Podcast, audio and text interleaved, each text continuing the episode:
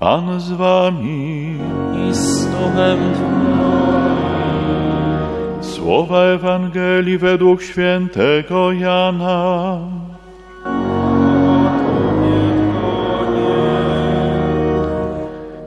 Obok krzyża Jezusa stały matka Jego i siostra matki Jego Maria, żona Kleofasa i Maria Magdalena. Kiedy więc Jezus ujrzał matkę i stojącego obok niej ucznia, którego miłował, rzekł do matki: Niewiasto, oto syn twój. Następnie rzekł do ucznia: Oto matka twoja. I od tej godziny uczeń wziął ją do siebie. Oto słowo Pańskie.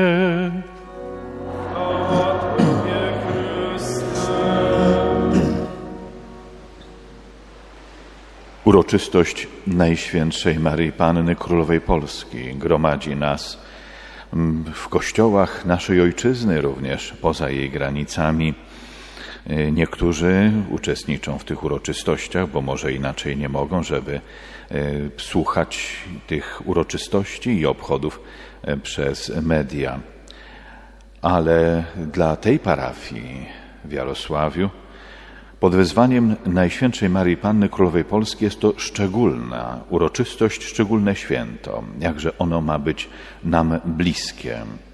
Pozwólcie, że przytoczę z historii tego święta kilka momentów. Takim pierwszym wyraźnym momentem, który trzeba zaznaczyć, to jest 1 kwietnia 1656 roku. Król Jan Kazimierz w katedrze lwowskiej przed obrazem Matki Boskiej Łaskawej wypowiada swoje śluby, które były skomponowane przez świętego Andrzeja Bobolę, który z kolei rok czy półtora roku później poniósł, poniósł śmierć męczeńską. Zaraz po królu Janie Kazimierzu wypowiada podobną treść podkanclerzy koronny biskup Andrzej Trębicki y, z Krakowa. Tak, w ten oto sposób urzędowym, państwowym aktem Najświętsza Maryja Panna została obrana za królowę korony polskiej. Rozwój tego święta obejmuje również wielką życzliwość świętego Piusa X, gdy na prośbę świętego Józefa Bilczewskiego, arcybiskupa Lwowa, w roku 1908 ten święty papież pozwala to święto praktykować i przeżywać w pierwszą niedzielę maja w archidiecezji lwowskiej i w diecezji przemyskiej. Cztery dni później święty Pius X wprowadza do litanii loretańskiej Królowo Korony Polskiej módl się za nami to wezwanie w sposób oficjalny. Jest to wprowadzone dla Lwowa i Przemyśla. Następne lata, 1923 rok, papież Pius XI, wielki przyjaciel Polski i Polaków, przenosi z pierwszej niedzieli maja uroczystość Święto Matki Bożej Królowej Polski na dzień 3 maja. To już od 23 roku tak świętujemy. Dwa lata później rozciąga to święto na całą Polskę.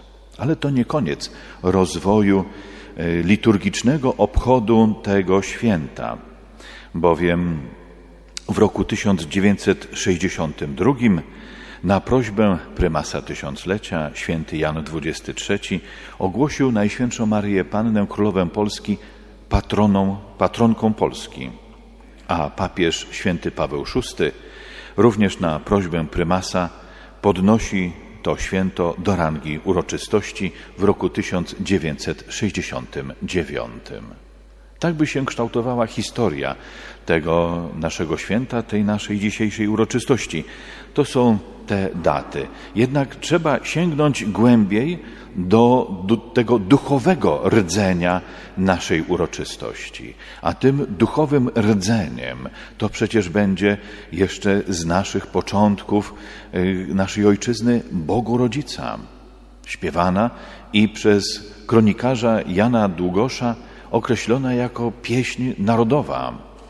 To przecież będą niezwykłe wydarzenia w Neapolu w roku 1608, gdy Matka Boża w towarzystwie świętego Stanisława Kostki objawia się jezuicie Juliuszowi Mancinellemu, który dwa lata później, w 1610 roku, przybywa do Krakowa i w katedrze wawelskiej sprawuje Najświętszą Ofiarę, a potem ma kolejne objawienie Matki Bożej, która życzy sobie, by być nazywaną Królową Polski. I też prosi Juliusza Mancinellego, możemy za jego przykładem tę prośbę i do siebie odnieść, a mówi tak, módl się za ten naród, módl się o pomyślność tej ziemi, bo ja mam wielkie plany względem tego narodu. Módl się, a ja będę Tobie łaskawą tak, jak jestem łaskawą do tej pory. Czyli my, jeżeli pragniemy tej życzliwości Matki Najświętszej, dobrą rzeczą będzie, gdy będziemy praktykować modlitwę za ten naród i o pomyślność tej ziemi według prośby Matki Najświętszej. To właśnie te objawienia Juliusza Mancinellego stają się inspiracją i motywem do tego, żeby, żeby Matkę Najświętszą ogłosić kilkadziesiąt lat później jako królowę Polski. Możemy wymienić wiele dat historycznych e, z tej historii naszej ojczyzny, w których możemy dostrzec interwencję i opiekę Matki Najświętszej ale o tym to możemy czy posłuchać w różnych audycjach, czy możemy przeczytać w różnych książkach czy artykułach. Ale spójrzmy dalej. Rok 1956. Prymas Wyszyński w Komańczy. 16 maja w święto świętego Andrzeja Boboli układa śluby jasnogórskie które podczas jego nieobecności, bo nadal będzie internowany aż do października, w sierpniu 26, gdy na fotelu dla niego przeznaczonym na Jasnej Górze była tylko wiązanka kwiatów, biskupi polscy odczytują śluby jasnogórskie narodu polskiego. W tym wątku naszych pragnień i dobrych, szlachetnych intencji należy jeszcze umieścić rok 1991, pielgrzymkę świętego Jana Pawła II do Polski, gdy poświęca naszej ojczyźnie dziesięć ważnych dni, bo w każdym z tych dni o innym przykazaniu Bożym swoim rodakom mówi z tą nadzieją, że będą słuchać, z tą nadzieją, że nie tylko będą klaskać, ale wprowadzą w życie te zbawienne pouczenia. I jak to się dzieje, że śluby królewskie Jana Kazimierza nie zostały zrealizowane? Jak to się dzieje, że śluby narodu polskiego ułożone przez prymasa tysiąclecia do tej pory nie zostały przez nas spełnione? Jak to się dzieje, że ta praca domowa, którą święty papież Jan Paweł II zleca swoim rodakom z nadzieją, że odbiją się od dna, a okazuje się, że oni grzęzną jeszcze głębiej, zamiast wzrastać. No niestety, zdarzyło się, historia odnotowuje, pamiętniki to wspominają, że w 91 roku znalazł się taki jeden człowiek, który oczywiście nie sam, ale miał wsparcie wielu sobie życzliwych, a użył wszystkich swoich wpływów i dostępnych środków, żeby utrącić papieski przekaz skierowany do rodaków. I tenże człowiek w XXI wieku przez jednego z y, prezydentów Rzeczypospolitej został uhonorowany Orderem Orła Białego. Moi drodzy, gdy my tak rozważamy i robimy sobie rachunek sumienia, to zauważmy, że gdyś dzisiaj w liturgii piękne treści rozważamy i zwróćmy uwagę na te słowa, które były refrenem psalmu Tyś wielką chlubą naszego narodu. Rzeczywiście jest chlubą dla nas, że Najświętsza Maryja Panna zechciała być nam królową. Ona jest królową i żeby to uzasadnić, trzeba sięgnąć do tych treści starotestamentalnych i nowotestamentalnych, żeby zobaczyć jej godność królewską, którą ona ma nie z naszego wyboru, nie z naszej decyzji, ale z woli Bożej. Otóż w Starym Testamencie królową nazywana była matka króla, dlatego że, no niestety, ale wielu królów izraelskich czy Judei niestety było poligamistami, czyli mieli wiele żon i nałożnic, ale matkę mieli jedną. Ta starotestamentalna tradycja nazywania królową matko, matkę króla, tak, ona nadal obowiązuje. A nowotestamentalne y, przesłanki, by postrzegać Najświętszą Maryję Pannę jako królowę, no to chociażby to, że ona uczestniczyła w zwycięstwie swego syna, poświęciła się jego dziełu. Ona w swej pokorze, niedostępna dla zakusów nieprzyjaciela, ale w swej pokorze dostępna dla cierpień, dla utrapień, dla różnych przeciwności, które dzielnie znosiła w zjednoczeniu ze swoim synem. I nigdy nie wyparła się tego swojego fiat, niech mi się stanie według Twego słowa. Wytrwała w realizacji tego fiat, tej zgody na wolę Bożą, aż pod Chrystusowym krzyżem. Tak, gdy patrzyła, zbolała matka na mękę, na dramatyczną śmierć umiłowanego syna. Ale przecież ona powtarzała za swoim synem jego słowa: Nie moja, ale Twoja wola niech się stanie. Tak, i właśnie ten udział w męce, w śmierci, w zwycięstwie Chrystusa Pana jest przyczyną, że jest wyniesiona do nieba, a tam ma udział w królowaniu swojego syna. Gdy my chlubimy się tak szlachetną osobą, że jest nam królową, to postawmy pytanie nieco inaczej.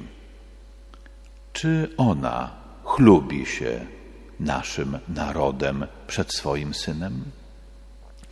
Czy ma się czym pochwalić z naszego życia przed swoim synem? No, jakie są nasze zaangażowania? W czym my jesteśmy naprawdę, naprawdę dobrzy?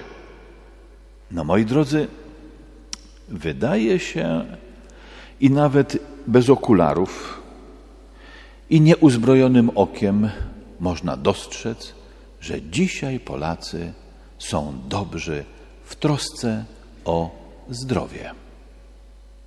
Można by tak powiedzieć, że Najświętsza Maryja Panna mówi do swojego syna: Synu, zobacz, ten twój dar, zdrowie, którym ich obdarzyłeś, jakże oni gorliwie o niego dbają.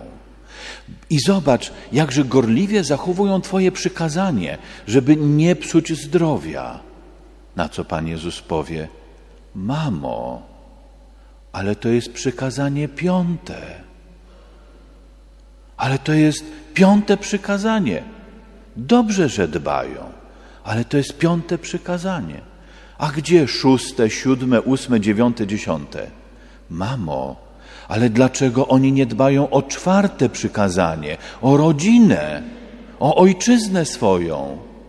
Dlaczego nie dbają? Mamo, ale dlaczego oni nie dbają o trzecie przykazanie? O cześć mi należną. Mamo, a dlaczego oni nie dbają o drugie przykazanie, żeby uszanować imię Boże? Dlaczego nie dbają o pierwsze przykazanie: Nie będziesz miał bogów cudzych przede mną? Moi drodzy, rzeczywiście nie łudźmy się. My nie zasługujemy na to, żeby Matka Najświętsza miała się czym pochwalić z nas przed swoim synem. Niezrealizowane śluby Jana Kazimierza. Zrealizowane, ale na, od, na opak, odwrotnie. Grzęźniemy niezgodnie ze ślubami prymasowskimi naszego narodu z 56 roku. A przekaz papieski z 91 do tej pory jest nieodrobiony. Moi drodzy, te zwycięstwa, które są zapowiedziane i na kartach Apokalipsy, teraz nastało zbawienie, potęga i królowanie Boga naszego i władza Jego pomazańca. Wielu mówi i mają rację, że ostatnie słowo historii należy do Pana Boga i On zwycięża. To jest prawda. Wielu ma rację i słuszność, gdy mówi, że Pan Jezus sobie z tym wszystkim poradzi, że z tym całym bałaganem sobie poradzi. I mają rację.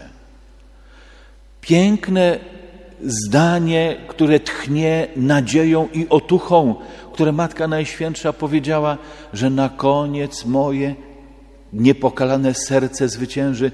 I jest wielu takich, którzy to powtarzają, że niepokalane serce Maryi zwycięży. I to jest prawda.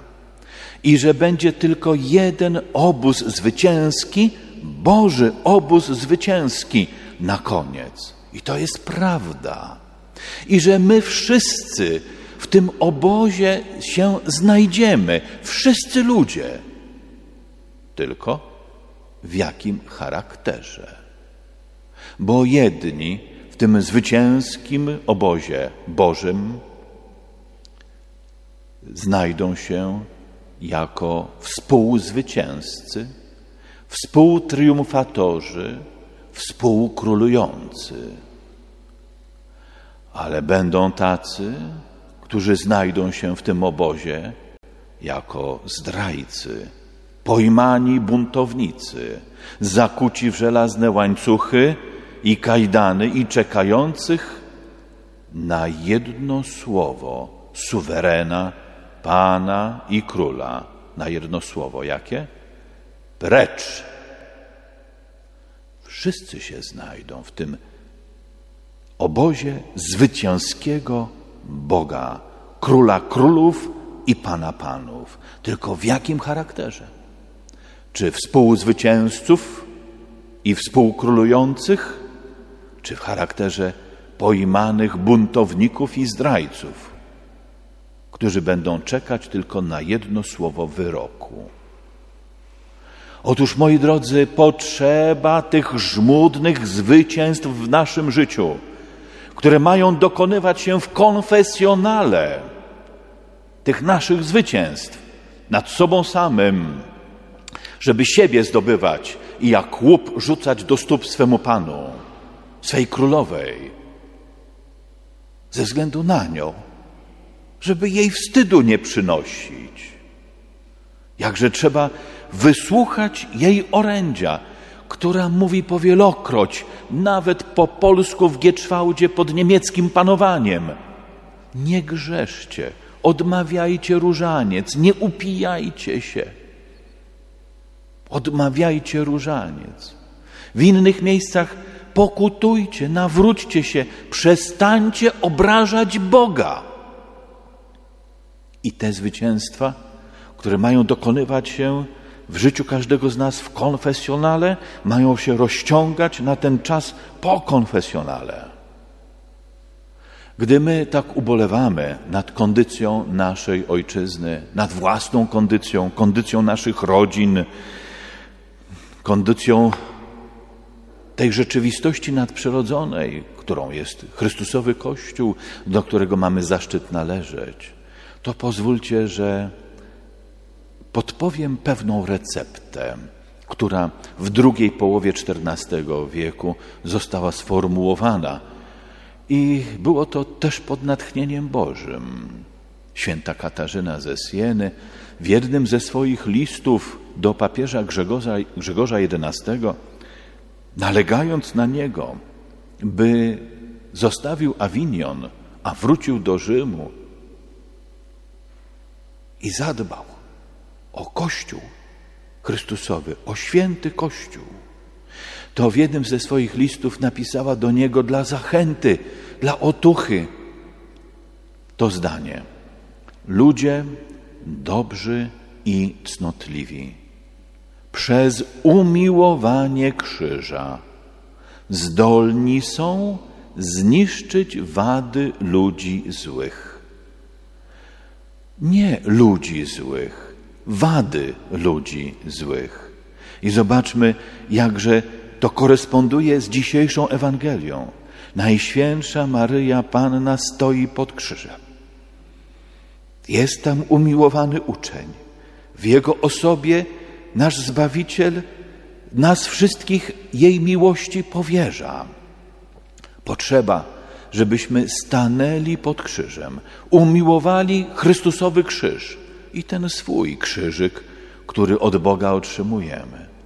I żeby przez tę szlachetność ducha, którą przywracamy w naszym życiu przez sakrament spowiedzi, żebyśmy umiłowawszy krzyż, zdolni byli zniszczyć wady ludzi złych. I to bez względu, czy blisko, czy daleko. Jest otucha, jest nadzieja.